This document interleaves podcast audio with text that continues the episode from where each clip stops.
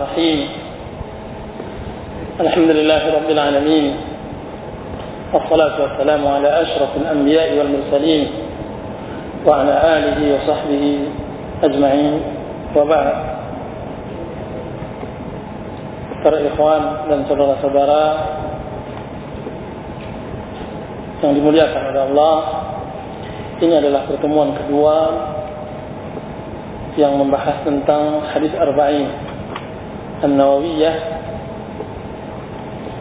Dan kita masuk ke hadis yang kedua juga yaitu hadis Umar bin من الخطاب رضي الله عنه قال بينما نحن عند رسول الله صلى الله عليه وسلم ذات يوم اذ طلع علينا رجل شديد بياض الثياب شديد سواد الشعر. لا يرى عليه أثر السفر ولا يعرفه منا أحد. حتى جلس إلى النبي صلى الله عليه وسلم فأسنن ركبتيه إلى ركبتيه ووضع كفيه على فخذيه وقال يا محمد أخبرني عن الإسلام. Ini juga dari Umar Ibnu Khattab yang dia juga dikenal dengan Umar Al-Faruq biografi beliau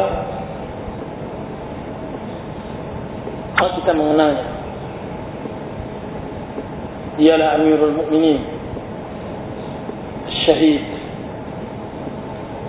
orang yang termulia dari umat Rasulullah sallallahu alaihi wasallam setelah Abu Bakar radhiyallahu anhu berkata qala bainama nahnu inda Rasulillah zat yaumin ketika kami suatu hari bersama Rasulullah sallallahu alaihi wasallam kita tahu bahwasanya Umar Ibnu Khattab ketika di awal kali datangnya beliau ke Madinah sebagaimana yang beliau ceritakan tentang diri beliau bahwa aku berganti-gantian dengan tetanggaku seorang Ansari untuk bertemu dengan Rasulullah sallallahu alaihi wasallam. Hari aku yang bertemu dengan Rasulullah dan yang dan dia turun mengerjakan ladang atau sawahnya dan hari besoknya saya yang turun mengerjakan ladang dan dia yang mendengarkan Rasulullah sallallahu alaihi wasallam. Pada malam harinya mereka berbagi cerita. Jika seandainya Umar radhiyallahu anhu yang turun bersama Rasulullah sallallahu alaihi wasallam, maka apa yang beliau dengar dari Rasulullah sallallahu alaihi wasallam wahyu atau hadis atau hukum atau semacamnya beliau sampaikan kepada saudaranya Al-Ansari tersebut. Di sini dapat kita pahami bagaimana hirs, bagaimana semangatnya para salafus saleh, para sahabat Rasulullah SAW di dalam menuntut ilmu. Mereka tidak mengenal waktu dan tidak mengenal umur. Kalau tidak Umar bin Khattab radhiyallahu an telah masuk pada umur 40-an lebih pada masa itu. Dan tapi tidak menghalanginya untuk menuntut ilmu menuntut ilmu agama. Bahkan dapat kita pahami bahawa setengah dari waktunya hidupnya adalah dengan menuntut ilmu. Buktinya satu hari dia bekerja dan satu hari dia menuntut ilmu bersama Rasulullah SAW. Itu yang dilakukan oleh Umar dan kebanyakan para sahabat Rasulullah SAW. Bahkan tidak jarang di kalangan para sahabat dan juga hadis yang akan kita syarah ini adalah salah satu hadis tentang tata krama dan adab menuntut ilmu. Tentang bahwasanya para sahabat meninggalkan berhari-hari keluarganya dalam menuntut ilmu. Sebagaimana Abu Bakar radhiyallahu an, beliau hanya tinggal 7 kilo dari Masjid Nabawi. Akan tetapi beliau bisa saja tidak pulang berhari-hari, tiga hari, empat hari, karena ingin bersama Rasulullah Wasallam. Oleh sebab itu di akhir kehidupan Rasulullah SAW, ketika Rasulullah sudah sholat subuh berjamaah, Abu Bakar merasa bahwa dia sudah layak untuk pulang karena sudah lama dia meninggalkan keluarganya atau istrinya. Yang bernama Asma uh, iya Asma. Uh, ketika dia melihat Rasulullah sudah mulai sembuh dan sudah mulai tegar beliau menyangka bahwa bahwa beliau sudah bisa ditinggalkan dan beliau pun minta izin untuk pulang karena sudah berapa hari tidak pulang. Kenapa? Karena menuntut ilmu. Akan tetapi tidak tahu bahwasanya Abu Bakar, bahwasanya Rasulullah SAW kehadirannya di solat subuh tersebut adalah kehadiran terakhir untuk bertemu dengan para sahabatnya. Dan solat tersebut adalah solat perpisahan bersama orang-orang yang mereka yang mereka cintai yang beliau cintai yaitu para sahabat Rasulullah SAW sehingga Rasulullah SAW meninggal dunia dan Abu Bakar tidak bersama Rasulullah. Sakitkan hati Abu Bakar. Sebagaimana seseorang yang mengasihi kepada orang yang dikasihi kepada di mana bagaimana dia tidak mendapatkan momen yang sangat berarti bagi dirinya dan dia tidak berada pada sisi orang yang dikasihi.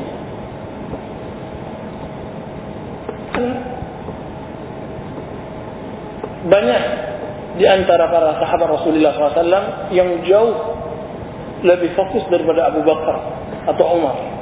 Mereka memberikan waktunya 24 jam untuk menuntut ilmu. Tidak dia berikan kepada sesuatu apa pun dan dia tidak mendahulukan ilmu dari apa pun. Seperti Abu Hurairah radhiyallahu anhu. Dan dia yang mengatakan bahwa saya adalah bayangan Rasulullah SAW. Di mana Rasulullah SAW berada, di situlah dia berada pula. Dan bahkan dia rela menahan lapar dan mengikat batu di perutnya demi hendak mendengar pengajian Rasulullah SAW. Sampai-sampai satu hari di sebuah majlis Rasulullah SAW sudah melihat wajah pucat dari Abu Hurairah. Kemudian datang salah seorang ansar membawa uh, sebuah bejana yang berisikan susu onta dan disuruh Abu Hurairah radhiyallahu an untuk memberikan kepada yang hadir. Sedangkan Abu Hurairah orang yang sangat-sangat membutuhkan air unta tersebut, air susu unta tersebut. Diberikan. Dan diberikan begitu terus dan uh, Abu Hurairah menyangka bahwasanya dia tidak akan memperoleh air susu tersebut karena banyaknya yang hadir dan sedikitnya air susu. Akan lebih dari mukjizat Rasulullah SAW, Abu Hurairah mendapatkan lebih dari yang lainnya. Jika seandainya yang lain hanya mendapatkan sekedarnya, maka Abu Hurairah terakhir kali mendapatkan jatah dan Rasulullah menyuruh untuk meminum lagi dan meminum lagi dan meminum lagi sampai Abu Hurairah mengatakan, "Ya Rasulullah, tidak ada lagi tempat untuk air susu tersebut." Ini menunjukkan bagaimana hirs, bagaimana semangatnya para sahabat Rasulullah dalam menuntut ilmu. Dan tidak aneh kenapa kerana mereka jaya dengan ilmu. Mereka istiqamah di atas agama Islam sekalipun dihadap mereka yang mereka hadapi adalah badai dan semacamnya karena ilmu istiqamah di atas ilmu dan tidak aneh Abu Hurairah radhiyallahu an hanya berapa tahun bertemankan Rasulullah beliau adalah salah bukan saja salah satu akan tapi satu-satunya sahabat yang paling banyak meriwayatkan hadis. Begitulah e, cara mereka di dalam menuntut ilmu. Dan mereka menuntut ilmu tidak sebagaimana kita menuntut ilmu. Akan tetapi mereka menuntut ilmu mengambil sam, mengambil gaya mengambil perilaku yang mereka lihat dari Rasulullah SAW. Bagaimana yang disaksikan oleh kafir Quraisy, salah seorang kafir Quraisy, bahwasanya salah seorang utusan dari kafir Quraisy tersebut mengatakan, kalau tidak salah saya Sufyan Tsauri, eh, Sufyan ibn Sakhar, ayahnya Muawiyah, dia berkatakan sebelum dia masuk Islam, والله ما رأيت أحدا أحب أحدا مثل حب أصحاب محمد محمدا demi Allah saya tidak melihat seseorang mencintai seseorang sebagaimana para sahabat mencintai Rasulullah SAW yaitu Muhammad. Nah lihat bagaimana dia mengatakan Allah apa katanya tidak mereka biarkan air sisa wudhu Rasulullah SAW jatuh ke tanah. Akan tetapi mereka berebut mendapatkan air sisa wudhu Rasulullah SAW. Dan ketika Rasulullah SAW berbicara, seakan-akan di atas kepala mereka ada seekor burung yang mereka enggan untuk menggerakkan kepala mereka sehingga terbang burung tersebut. Dari itu khusyuk dan dari khudu mereka mendengarkan apa yang diucapkan oleh Rasulullah SAW. Jelas ilmu yang mereka peroleh jauh lebih berbekas daripada ilmu yang diperoleh dari metode-metode pengajaran-pengajaran yang ada zaman sekarang ini. Mereka menuntut ilmu dan Rasulullah SAW juga sering melontarkan pertanyaan-pertanyaan yang mengusik pikiran mereka. Ya Mu'ad, labbaik wa sa'daik ya Rasulullah. Ketika dia berboncengan sebuah unta. Ya Mu'ad, labbaik wa sa'daik ya Rasulullah. Dipanggil tiga kali Mu'ad. Labbaik wa sa'daik ya Rasulullah. Saya dengar dan saya penuhi panggilanmu ya Rasulullah. Atadri ma haqqullah 'ala al-ibad wa ma haqqul ibadi 'ala Allah? Apakah engkau tahu hak Allah terhadap hambanya dan apa hak hamba terhadap Allah? Qala Allah rasuluhu. Allah yang lebih mengetahui. Begitu para sahabat Rasulullah dengan Rasulullah. Sering ditanya oleh sering Rasulullah mengungkapkan permasalahan-permasalahan yang mungkin tidak ditanya oleh para sahabat. Atau dulu nama muflis? Apakah kalian tahu apa itu muflis? Orang yang bangkrut dijawab oleh para sahabat ya Rasulullah al-muflisu fina man la dirham lahu mal.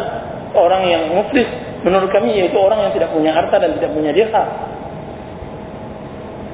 Dijawab oleh Rasulullah bukan. Sehingga tanya jawab seperti itu langsung lengket. Di dalam pikiran para sahabat Rasulullah.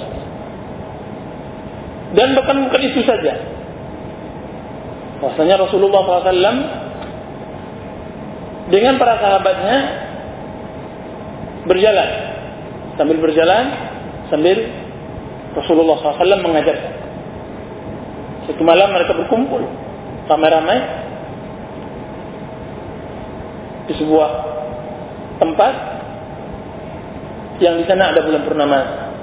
Mereka lihat bulan purnama. Setiap sesuatu teringat akan ilmu itu yang penting. Apa kata Rasulullah SAW? Innakum satarawuna rabbakum ayyanan. Yawm al-qiyamah. Kama tarawna al-qamara. Fi laylatul badr. Sesungguhnya kalian akan melihat Rabb kalian nantinya pada hari kiamat. Sebagaimana kalian akan melihat bulan purnama ini. La tudarruna fi ru'yati. Kalian tidak bersempit melihat.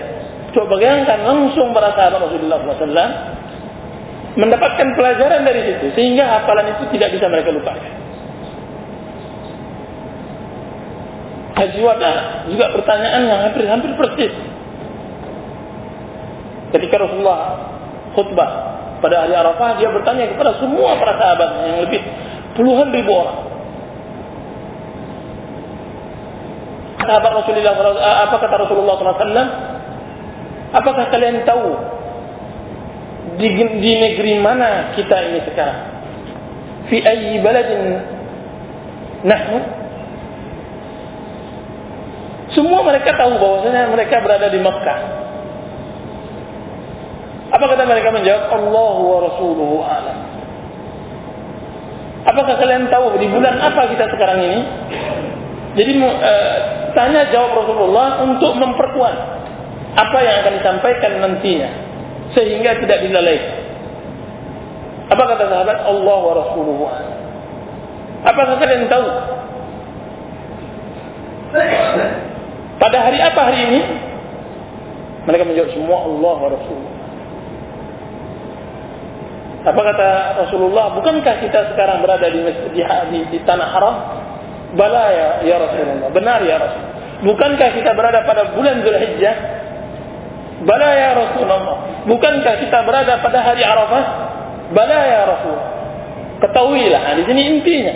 Ketahuilah sesungguhnya darah kalian, harta kalian, hormatan kalian haram sebagaimana haramnya atau uh, sebagaimana haramnya negeri ini dan sebagaimana haramnya bulan ini dan sebagaimana haramnya ini. Begitu Rasulullah SAW mengatakan. Dan bagaimana juga sikap para sahabat Rasulullah tidak mendahului Rasulullah sekalipun mereka tahu jawabannya disebutkan oleh para ulama ucapan Rasulullah SAW dan jawaban para sahabat menunjukkan bagaimana sikap seorang penuntut ilmu kepada Rasul sehingga mereka mengatakan Allah wa Rasuluhu alam supaya agar jangan termasuk di dalam ancaman ayat ya ayyuhalladzina amanu la tuqaddimu baina yadayillahi wa rasulih hai orang-orang yang beriman jangan dahulukan pikiran kalian jawaban kalian dari perjawaban Allah Allah dan Rasul itu sering para sahabat mengatakan Allah Rasulullah. Sekalipun mereka tahu. Salah satu bentuk metode uh, belajar sahabat Rasulullah. Dan yang paling berharga bagi mereka adalah datangnya orang-orang Badui bertanya kepada Rasulullah SAW. Itu kata sebagian sahabat, Wallahi demi Allah, kami sangat-sangat menanti waktu-waktu datangnya orang-orang Badui menanyakan tentang masalah agama kepada Rasulullah SAW. Kenapa? Karena mereka tidak sembarangan bertanya. Takut mereka masuk ke dalam ayat, Ya ayyuhalladzina amanu la tas'alu an asya'in in tubdalakum tasuk. Hai orang-orang yang beriman, janganlah kalian bertanya akan sesuatu kalau seandainya Allah berikan jawaban kepada kalian maka kalian akan menyusahkan kalian. Maka para sahabat lebih memilih diam jika seandainya mereka uh, mempunyai hal-hal yang dikiranya nanti akan memberatkan umat-umat atau generasi-generasi setelah mereka. Nah, di antara yang menjadi perhatian mereka adalah seorang yang akan datang di majlis yang berkumpul di sana para sahabat Rasulullah di dalamnya adalah Umar. Rawi kisah. Apa kata Umar? Istala alaina. Tiba-tiba muncul di hadapan kami rajulun seorang. Sangat putih pakaiannya. Dan sangat hitam rambutnya tidak kelihatan darinya bekas dia bersafar dan tidak ada di antara kami yang mengenalnya. Jadi laki-laki ini tidak ada yang mengenal dari penduduk Madinah menunjukkan mesti dia orang jauh. Akan tapi kalau dia orang jauh dia tidak kelihatan dari bersafar bersih, tidak ada debu dan semacamnya. Hatta jalasa ila Nabi sampai dia duduk di hadapan Rasulullah SAW kemudian dia letakkan kedua lututnya ke lutut Rasulullah SAW dan dia letakkan kedua telapak tangannya di atas pahanya. Ada dua riwayat atau dua tafsiran dalam masalah ini, yaitu dia letakkan kedua tangan telapak tangannya di paha Rasulullah. Ada lagi yang meriwayatkan di pahanya sendiri. Kemudian dia baru mengatakan, Ya Muhammad akhbirni anil Islam. Wahai Muhammad, kabarkan saya tentang Islam. Ini menunjukkan adab-adab dalam menuntut ilmu. Pertama, hendaklah seorang menuntut ilmu berpakaian bersih, rapi. Karena yang dia hadapkan dan dia hadapi adalah sabda Rasulullah SAW dan ayat-ayat Al-Quran. Oleh itu Imam Malik rahimahullah ketika dia menanyakan atau ditanya tentang hadis-hadis Rasulullah SAW di tengah jalan, apa kata Imam Malik? Di tengah jalan ini engkau engkau bertanya tentang sabda Rasulullah SAW demi Allah saya tidak mau menjawab. Begitu Imam Malik mengagungi, mengagungkan uh, uh, firman Allah Subhanahu Wa Taala dan sabda Rasulullah SAW. Dan yang kedua, makanya duduk di dekat guru yang menerangkan. Berbeda dengan jauh. Sehingga Rasulullah SAW sering mendoakan buruk kepada orang yang duduk sangat jauh. Bahkan dicela di dalam Islam. Barang siapa yang duduk di akhir-akhir maka Allah akan mengakhirkannya. Dan ini fadilah terutama untuk duduk ketika bermajlis agak mendekat, terus dekat dan seterusnya. Dan lihat bagaimana Jibril laki-laki ini meletakkan kedua cara duduknya dia letakkan kedua uh, lututnya di hadapan lutut Rasulullah untuk mengambil ilmu. Bersentuhan. Bahkan tangannya kedua tangannya menyentuh paha Rasulullah. Dan ini akan menambah uh, pendengaran dan menambah perhatian kita. Di sana kalau seandainya jauh maka kita akan mendatangkan mendatangkan sesuatu yang hal yang akan mengurangi pemahaman kita. Anggap sesuatu anggap ketika seseorang berbicara tentang agama ini dia sedang berbicara dengan kita. Dia sedang berbicara dengan kita. Sebagaimana yang dirasakan oleh Jibril. Oleh sebab itu ketika ditanyakan oleh Imam Syafi'i kepada Imam Syafi'i rahimahullah, bagaimana cintamu terhadap ilmu? Apa kata Imam Syafi'i? Demi Allah, saya menginginkan mata saya, badan saya, seluruh anggota badan saya merasakan nikmat sebagaimana dirasakan nikmat oleh telinga saya. Saya menginginkan semua badan saya merasakan nikmat sebagaimana dirasakan oleh nikmat telinga saya mendengarkan ilmu. Kemudian dia mengatakan, Ya Muhammad, akhbirni anil Islam. Wahai Muhammad, kabarkan saya tentang Islam. Baru Jibril bertanya tentang Islam. Faqala Rasulullah SAW. Dan ini menunjukkan bahwasanya hukum asal sesuatu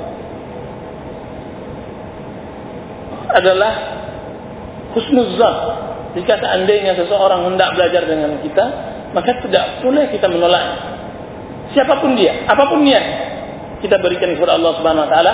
Sedangkan belajar tetap kita izinkan belajar kepada dia. Kemudian dia menanyakan tentang Islam. Di sinilah kita akan membahas tentang rukun Islam dan rukun iman. Maka Rasulullah SAW mengatakan Al-Islam an tashhadu an la ilaha illallah wa anna Muhammadar Rasulullah وتقيم الصلاة وتؤتي الزكاة وتصوم رمضان وتحج البيت إن استطعت إليه سبيلا Islam adalah engkau bersyahadat bahwasanya tidak ada ilah yang berhak diibadati kecuali Allah dan Muhammad adalah Rasulullah mendirikan salat, menunaikan zakat, berpuasa pada bulan Ramadan dan berhaji ke Baitullah jika seandainya engkau mampu ke sana. Jelas membahas rukun Islam di dalam satu poin saja membutuhkan berapa kali pertemuan. Kan tapi bukan di sini pembahasan kita. Kemudian Jibril mengatakan sadaq. Engkau benar. Qala berkata Umar fa'ajibna lahu yas'aluhu wa yusaddiquh. Kan tapi kami an merasakan aneh, merasakan keanehan. Karena dia bertanya kemudian dia membenarkan. Mestinya ketika dia bertanya dia mengangguk-angguk karena dia sebelumnya tidak paham. Dan tapi bertanya kemudian dia mengatakan benar engkau ini bukan pertanyaan sembarangan. Pertanyaan orang yang sudah mengerti. Di sini juga adab bagi seorang penuntut ilmu bahwa tidak boleh bertanya kepada seorang guru untuk mengujinya. Dan ini adalah bentuk suul adab di dalam ilmu dan sehingga akan jauh dari keberkahan ilmu.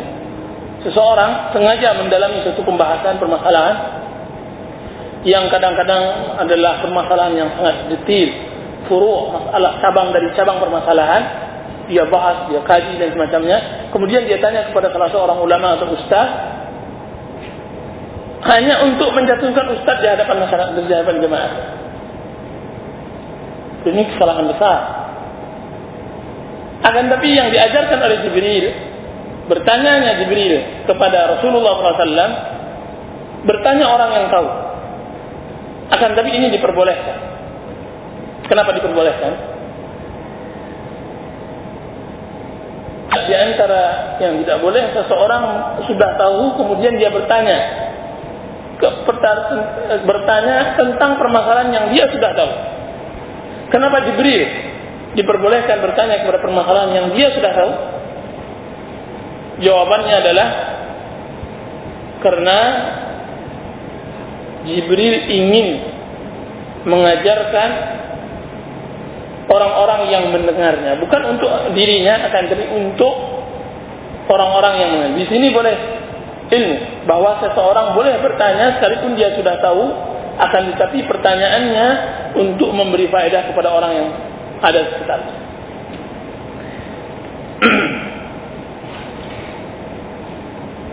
Karena itu di dalam akhir hadis ini mengatakan fa innahu jibril atakum yuallimakum yuallimukum dinakum. Inilah Jibril yang datang kepada kalian mengajarkan kepada kalian agama kalian. Coba bagaimana Jibril bertanya tapi dia secara tak langsung sudah mengajarkan. Boleh. Allah taala. Kemudian uh, Jibril berkata lagi, "Fa akhbirni anil iman." Kabarkan saya tentang masalah iman. Maka Rasulullah SAW mengatakan, "An tu'mina billah wa malaikatih wa kutubih wa rusulih wal yawmil akhir qadari khairihi wa syarrih." yaitu beriman kepada Allah, beriman kepada malaikat, buku-bukunya, rasul-rasulnya, hari akhirat dan beriman kepada qadar baik dan qadar buruk. Kemudian Jibril berkata, "Shadaqta." Engkau benar wahai Muhammad. Di sini terjadi pertanyaan pertama tentang Islam dan yang kedua tentang iman dan pertanyaan yang ketiga Qala fa akhbirni 'anil ihsan. Kemudian Jibril berkata, kabarkan saya tentang ihsan. Apa yang dimaksud dengan ihsan? Qala an ta'budallaha ka'annaka tarahu. Fa in lam takun tarahu fa innahu yara. Apa kata Rasulullah? Al-ihsan yaitu engkau beribadah kepada Allah Subhanahu wa taala seakan-akan engkau melihatnya. Jika seandainya engkau tidak bisa merasakan, engkau melihatnya, maka sesungguhnya yakinilah bahwasanya dia pasti melihat. Ini ihsan. Dan di sini faedah bahwa Jibril bertanya sesuai dengan urutan keimanan. Karena urutan keimanan seorang yang paling rendah muslim. Kemudian naik peringkatnya menjadi mukmin. Setelah itu naik peringkatnya menjadi muhsin. Dan muhsin adalah peringkat tertinggi dari peringkat hamba-hamba Allah Subhanahu wa taala. Yaitu tidak hanya sekedar menjalankan syariat Islam yang zahir dan bukan hanya sekedar meyakini tentang iman, rukun iman di dalam hati, akan tapi dia sudah sampai ke taraf bahwasanya semua gerak-geriknya Allah yang mengetahui. Semua gerak-geriknya Allah Subhanahu wa taala yang mengetahui dan dia melihat. Nah, ini yang disebut ihsan. Dan ini tingkatan uh, peribadatan uh, kaum muslimin yaitu ada yang disebut muslim, ada yang disebut mukmin, ada yang disebut muhsin. Seorang yang mukmin sudah pasti muslim, akan tapi tidak seharus tidak mesti seorang yang muslim mukmin. Oleh itu salah orang yang menyangka bahwa orang yang melakukan dosa besar dia keluar dari agama Islam. Sebagaimana pemahaman khawarij. Dan mereka berdalil dengan sabda Rasulullah SAW la yasriqu as-sariqu hina yasriqu wa huwa mu'min wa la yazni az-zani hina yazni wa huwa mu'min. Sesungguhnya tidaklah seorang yang mencuri sedang mencuri dia beriman dan tidaklah seorang yang berzina dan dia sejak waktu berzina dia beriman. Maka mereka mengatakan kalau dia tidak beriman berarti dia kafir. Karena lawan iman kafir. Akan tapi yang benar-benar bahwasanya waktu dia berzina dan waktu dia beriman, waktu dia mencuri tidak beriman, akan tapi dia masih Islam. Sekalipun dia tidak mukmin, tapi dia jatuh kepada peringkat muslim belum jatuh kepada dunia di bawah muslim yaitu kafir atau musyrik. Rasulullah mengatakan la imana liman la amanata lah. Tidak ada iman bagi orang yang tidak mempunyai amanah. Ketika dia tidak menunaikan amanah, dia keluar dari kategori mukmin akan tapi masih di dalam kategori muslim. Jadi seandainya muslim, mukmin, muhsin uh, bentuk lingkaran maka lingkaran yang terbesar adalah muslim Islam dan lingkaran yang lebih kecil lagi yaitu iman yaitu mukmin dan lingkaran yang lebih kecil lagi adalah muhsin. Seorang jika seandainya uh, sudah beribadah kepada Allah Subhanahu wa taala pada tingkat yaitu dia merasakan Allah Subhanahu wa taala melihatnya atau dia merasakan Allah Subhanahu uh, dia melihat uh, dia merasa bahwasanya dirinya sudah merasakan kehadiran Allah maka dia masuk peringkat muhsin. Dan tapi ketika lepas peribadatannya dari itu maka turun peringkatnya menjadi mukmin. Ketika dia tidak lagi menjalankan uh, syarat-syarat mukmin maka turun peringkatnya menjadi muslim. Kan tapi ketika penghalang-penghalang Islam dia dia dia, dia lakukan juga maka jatuh peringkatnya menjadi keluar dari agama Islam yaitu muslim dan jatuh kepada kafir atau musyrik.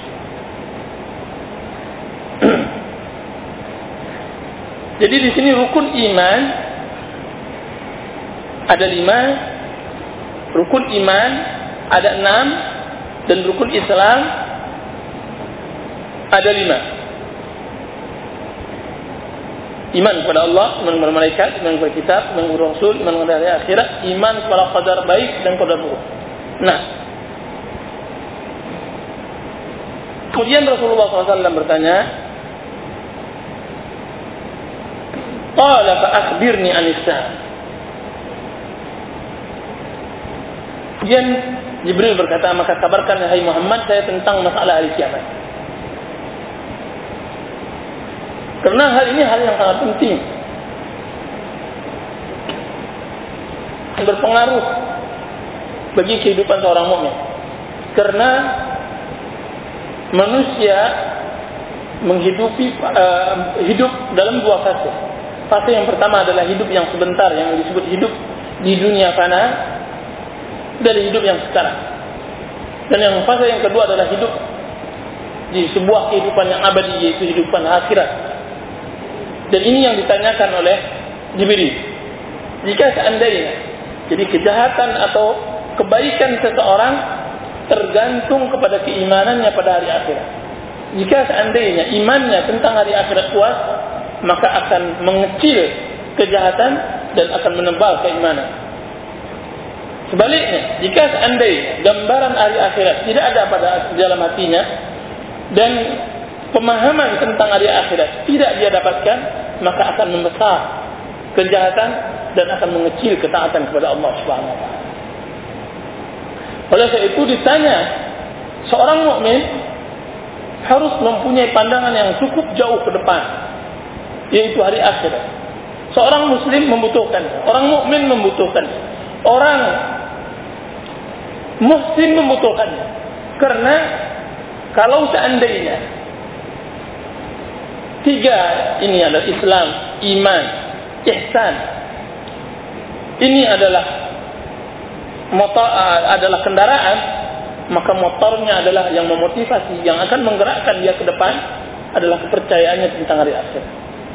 Semakin yakin dia akan ada hari akhirat, makin semakin kuat dia akan ber dan akan naik Islam dia menjadi, menjadi naik peringkatnya menjadi iman dan iman dia akan menjadi menjadi ihsan. Dan ketika semakin lemah, makin lemah juga akan turun turun turun sehingga habis imannya. Bahkan bisa-bisa habis Islamnya. Oleh itu ditanya oleh Jibril tentang hari akhir. Fa'akhbirni anisa. Maka kabarkan saya tentang masalah kiamat. Dijawab oleh Rasulullah SAW. Mal mas'ulu anha bi'a'lama minas Tidaklah orang yang ditanya tentang masalah ini lebih mengetahui daripada orang yang bertanya. Maksudnya, saya sebagai Rasulullah tidak akan lebih mengetahui daripada engkau, wahai Jibril, engkau sebagai malaikat. Ketika Rasulullah SAW tidak menjawab tentang masalah hari kiamat, kapan dia terjadi dan semacamnya, maka maka Jibril mengarahkan tentang amarat, tentang tanda-tanda hari kiamat. Qala fa akhbirni an amarat.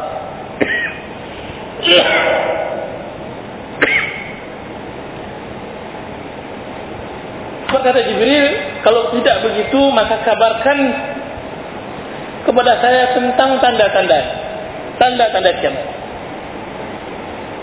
Maka Rasulullah SAW menjawab, Qala an talidal amatu rabbata. Dan yang faedah di dalam masalah mal masbul wa anha bi a'lam min sa'il ini menunjukkan bahwa makhluk tidaklah mengetahui hal yang gaib sebagaimana yang didakwakan oleh sebagian kaum muslimin. Dan itu diajarkan oleh orang dua makhluk yang termulia di atas permukaan dunia ini. Yang satu penghulu para para anbiya dan para mursalin yaitu Muhammad yang dan yang bertanya adalah penghulu para malaikat yaitu Jibril.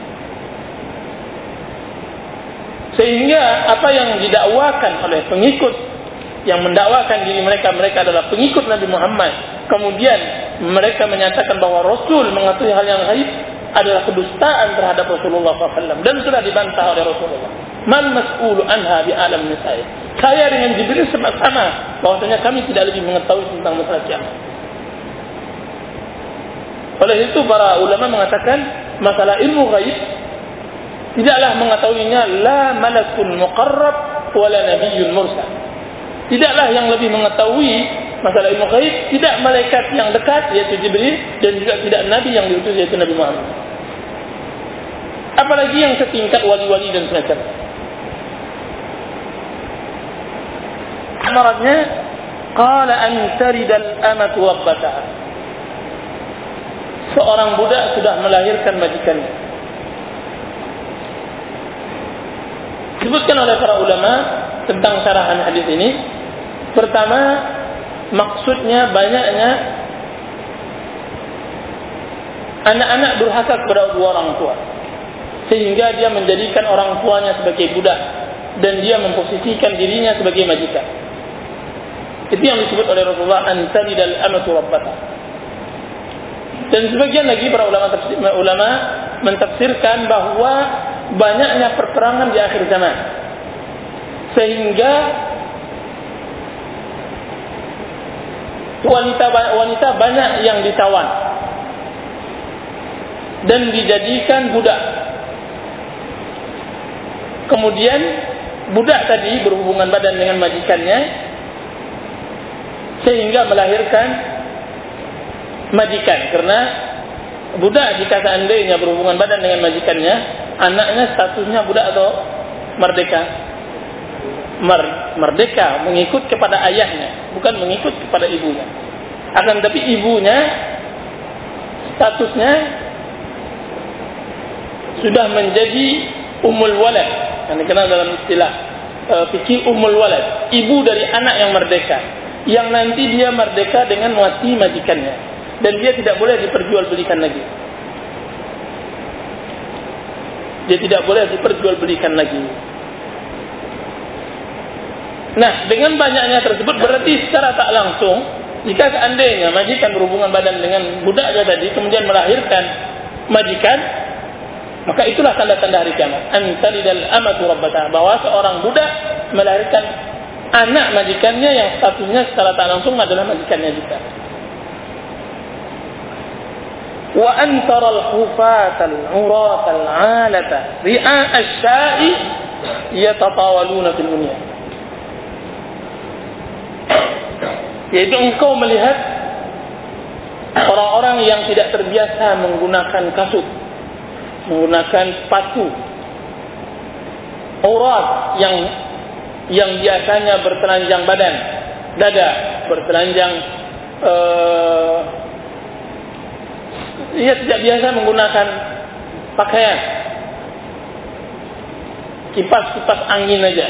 Malam tidur di atas di atas kayu dan semacamnya. Suka buka baju karena panas. Al-alata faqir ra'a pengembala kambing saling berlomba-lomba membangun saling berlomba-lomba membangun bangunan. Dan disebutkan oleh para ulama bahwasanya pada akhir zaman banyak orang-orang yang kaya mendadak. Sehingga orang yang kemarinnya fakir tidak mengenal kekayaan, tidak mengenal AC dan semacamnya, kaya mendadak karena menjual tanahnya. Dan sebelumnya dia pengembala kambing atau sapi dan semacam. Tiba-tiba tahun depan dia udah haji. Udah beli rumah dan truk dan truknya banyak. Dan ini salah satunya. Dan bukan itu saja, mereka sudah ramai-ramai bersaing dengan orang Cina untuk memperbanyak bangunan mereka dan bukan hanya memperbanyak akan tapi juga mempertinggi bangunan mereka. Jadi mereka tidak pikirkan lagi satu tingkat atau pada 50 tahun yang lampau rumah yang bagus adalah rumah yang luas kan tapi sekarang rumah yang bagus adalah rumah yang tinggi. Berapa tingkat rumahnya? Tiga tingkat, empat tingkat, lima tingkat dan semacamnya. Di sini hadis menyebutkan ya tafawaluna fil bunya. Saling berlomba-lomba untuk meninggikan bangunan. Dan ini adalah uh, mukjizat Rasulullah SAW dan uh, kebenaran dari ucapan Rasulullah SAW bahwasanya manusia dan orang berlomba-lomba untuk membangun bangunan yang tinggi belum sampai 100 tahun yang lalu. Baru-baru kemarin saja orang berlomba-lomba. Masih banyak perumahan kapek untuk lihat masih tidak ada yang bertingkat. Perumahan hok itu semuanya luas Apalagi kalau seandainya pergi ke Jawa, kan kita lihat bangunan-bangunan Belanda yang semuanya luas-luas. Tidak ada masuk dalam hadis ini. Nah di akhir zaman seperti kita sekarang ini apa? Ya kapawaluna fil dunia. Kenapa mereka uh, berusaha untuk uh, meninggikan bangunan? Banyak hal-halnya. Pertama, tanah mahal. Dan yang kedua, izin mendirikan bangunan uh, biaya besar. Kalau tidak di, dicap, pak, langsung harus izin wali kota. Nah, ini gimana? Dan seterusnya dan seterusnya jelas ini tanda-tanda bahwasanya banyak orang-orang yang fakir mendadak kaya, kemudian mereka berlomba-lomba untuk kaya. Kemudian timbul pertanyaan, apakah setiap tanda-tanda hari kiamat adalah tanda sebuah keburukan?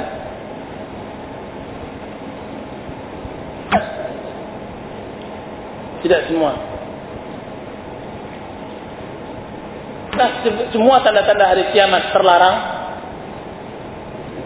dalam syariat. Ada yang bisa mendatangkan satu contoh? Banyaknya wanita. Banyak wanita Banyaknya wanita pada laki-laki. Contoh lain? Ada tanda hari kiamat. Berlomba-lomba memperindah masjid. Ya, kan tapi itu terlarang. Ya. Ada lagi?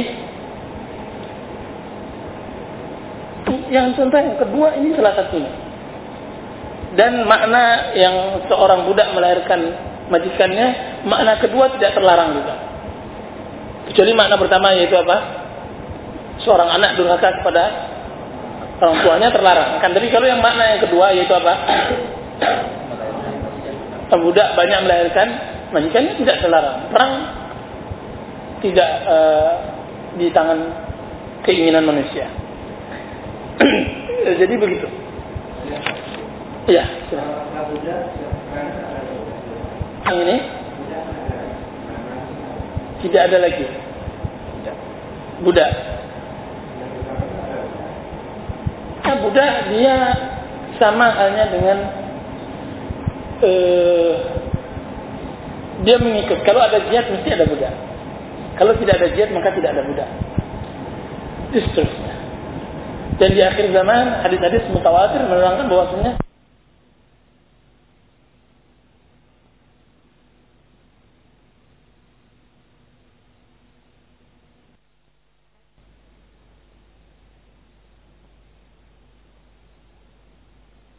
yang disebut Mauritania ada di sana perdesaan yang semuanya budak.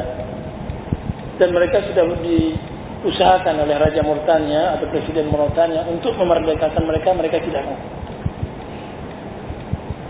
Dan mereka ingin menjadi budak.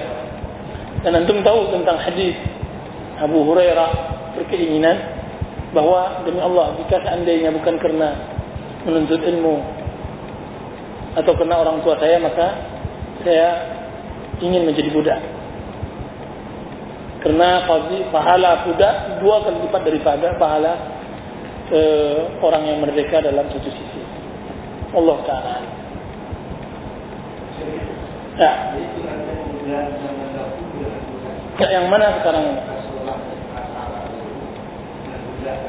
Budak pada zaman dahulu dengan zaman sekarang jika seandainya disamakan prinsip yaitu budak hanya bisa didapat jika seandainya mereka adalah hasil tawanan perang yang dibagi oleh panglima atau pemerintahan yang sah kepada prajurit atau kepada orang yang berhak.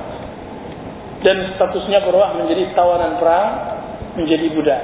Ketika dia ditawan di perang, dia mesti menjadi tawanan perang. Tapi ketika sudah dibagi, dia tidak jadi tawanan perang lagi. Nanti dia sudah berubah menjadi budak. Dan itu zaman Rasulullah dan itu nanti di akhir zaman dan itu di tengah zaman. Selagi ada itu pembagiannya maka itu mudah. Ya. Kan tapi sebelum dibagi tidak disebut mudah. Dan tidak boleh melakukan hal yang terlarang yang mana diperbolehkan ketika sudah mempunyai budak. Iya. Nah, di sini dalam hal ini banyak hal-hal tentang masalah tanda-tanda hari kiamat juga membutuhkan mungkin berapa kali pertemuan dan bukan di sini juga tempatnya. Akan tapi saya mengarahkan atau memberikan satu kitab yang sudah diterjemahkan dan sangat bagus yaitu kitab yang uh, aslinya judulnya Ashratus Sa'ah karangan Dr. Yusuf Al-Wabi dan sudah diterjemahkan dengan dengan terjemahan tanda-tanda hari kiamat. Bisa Anda baca kitab tersebut dan tersebut sangat bagus tentang masalah tanda-tanda hari kiamat. Summan talaqa. Kemudian dia pun pergi. Halabis tumaliyah Kemudian aku tetap tinggal sebentar, summa qala li. Kemudian Rasulullah berkata kepadaku, "Ya Umar, atadri sa'i?" Wahai Umar, apakah engkau tahu siapa yang bertanya? Qultu Allah wa rasuluhu a'lam. Qala innahu Jibril atakum yu'allimukum dinakum. Sesungguhnya dialah Jibril yang datang kepada kalian mengajarkan agama kalian. Berarti di sini faedah yang sangat penting bahwa mempelajari agama dialah agama. Bahwa rukun Islam adalah agama. Rukun iman adalah agama. Rukun ihsan dialah agama. Dan juga tanda-tanda hari kiamat dialah agama. Dan agama lebih umum daripada yang lain. Atakum yu'allimukum dinakum. Dia datang mengajarkan agama. Dan bahkan inilah agama. Itulah agama. Rukun Islam, rukun iman. Itulah agama. Allah Ta'ala alam. Wassalamualaikum ala nabiyina Muhammadin wa ala alihi wa sahbihi wa sallam. Assalamualaikum warahmatullahi wabarakatuh.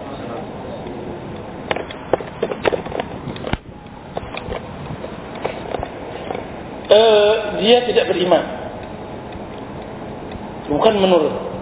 Ketika dia berzina tersebut, bagaimana dalam hadis, imannya keluar dari badannya dan imannya tersebut bagaikan payung di atas kepalanya. Jika seandainya dia kembali bertobat, maka masuk kembali imannya ke dalam hatinya. Hadis sahih. Allah Taala. Ya tanda hari kiamat atau kiamat? Subra dan buka kalau subra kan kiamat kecil Oh. Iya, ke hari kiamat sebagian para ulama membagi dengan dua. Pertama, kiamat kecil dan yang kedua kiamat besar dan juga ada hadis tentang masalah itu. E, barang siapa yang meninggal maka dialah telah bangkit kiamat baginya. Itu kiamat individu.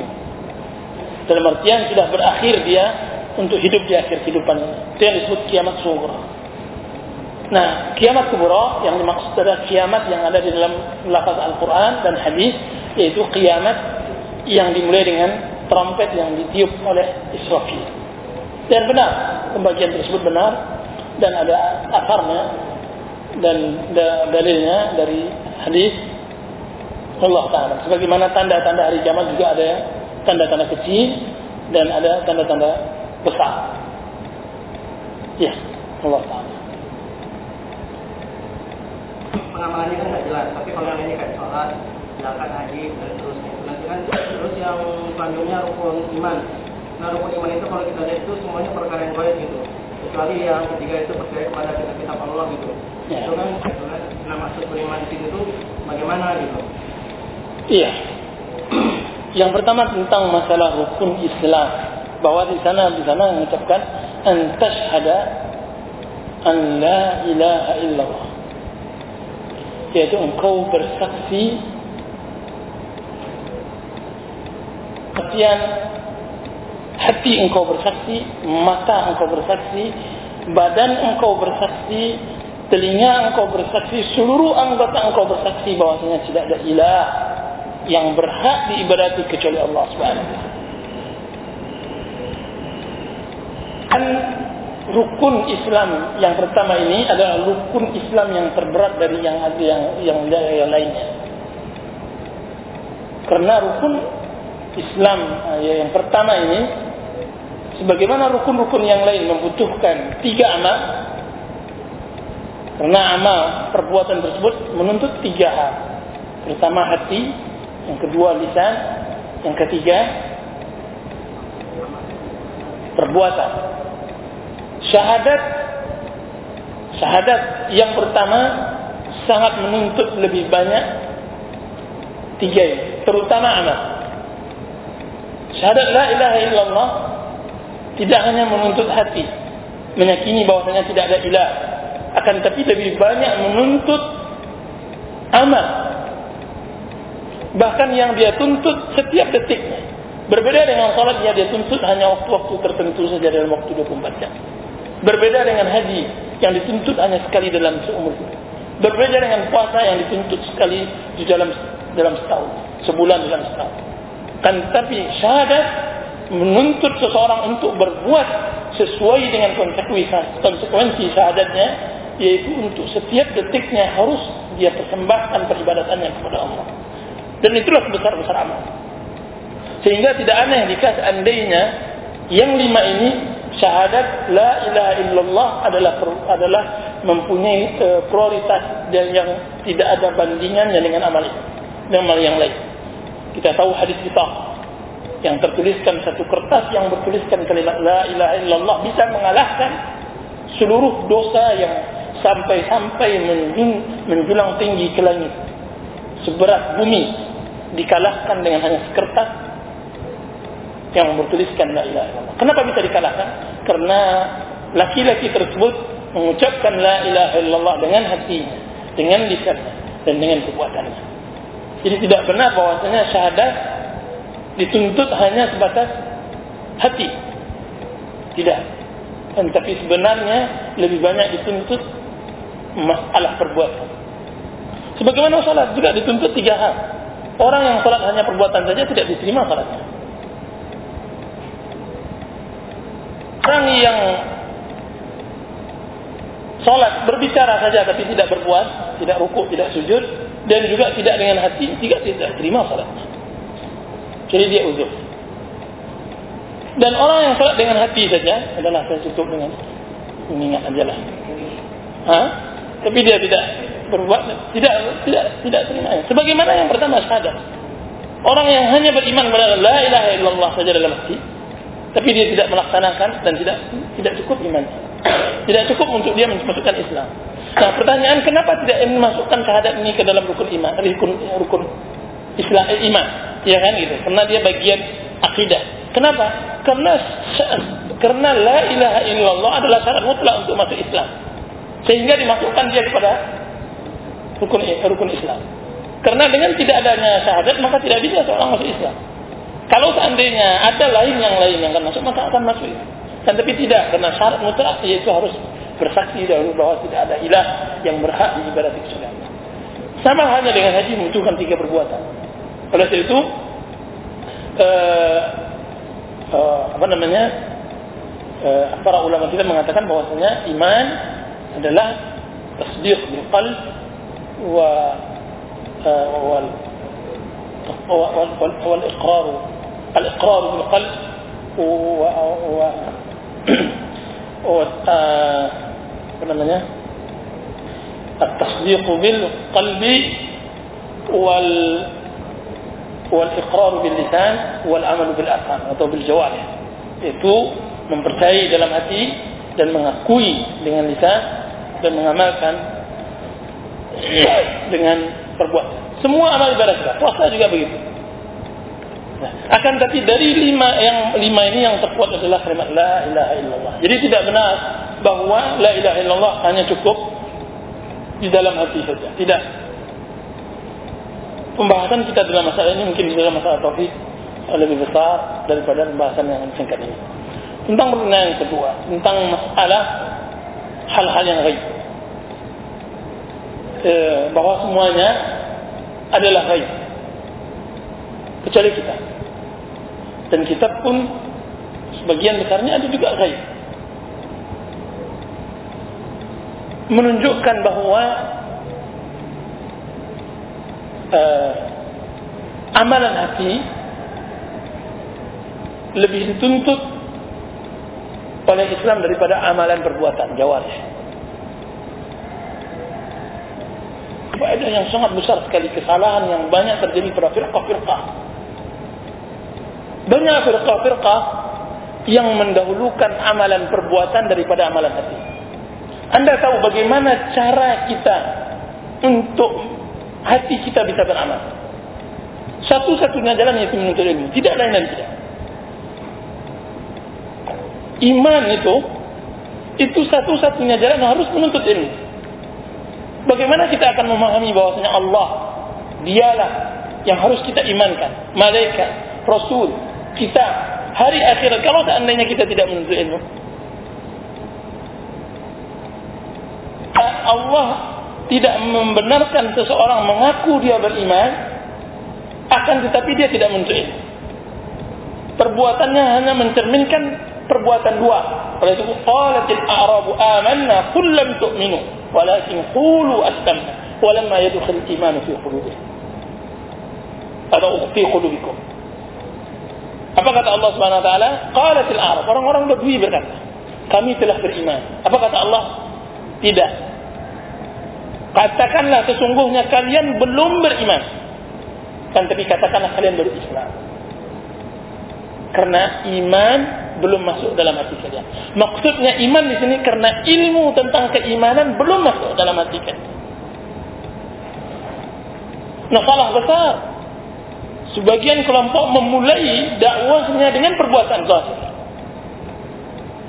Bukankah tauhid adalah perbuatan hati? Tazkiyatun nufus. Wa yu'allimuhumul kitab wa yuzakkihim. Ya kan?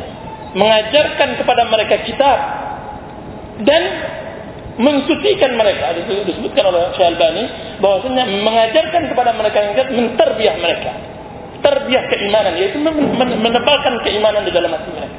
Wa membersihkan ilmu-ilmu yang akan diajarkan kepada mereka. Itu yang disebut oleh ulama kita at-tasfiyah wa tarbiyah. Kita jernihkan, kita bersihkan ilmu yang sudah dikotori oleh tangan-tangan jahil kemudian kita didik. Jadi itu tugas para anbiya dan para muslim sebelum kita. Ini yang pertama. Dan yang kedua, sesungguhnya Islam nyaris mempunyai dominannya adalah ilmu ilmu tentang yakin tentang ilmu yang lain. Dan itu tidak bisa kecuali ketika seseorang sudah sampai tarafnya di dalam menuntut ilmu sampai taraf keyakinan. Ini semua Semakin lemah seseorang di dalam keyakinan yang maka semakin mudah dia uh, jatuh ke dalam maksiat. Kan tapi semakin tebal keyakinan tentang ilmu gaib, akan semakin kuat keimanannya. Jadi di sini pentingnya iman. Itu semuanya adalah amal qulub. Perbuatan hati. Masalah iman yang empat itu, itu lima itu semuanya perbuatan hati. Karena Rasulullah SAW mengatakan, "Ala inna fil jasadi mudghah. Idza salahat salaha al-jasadu kulluh."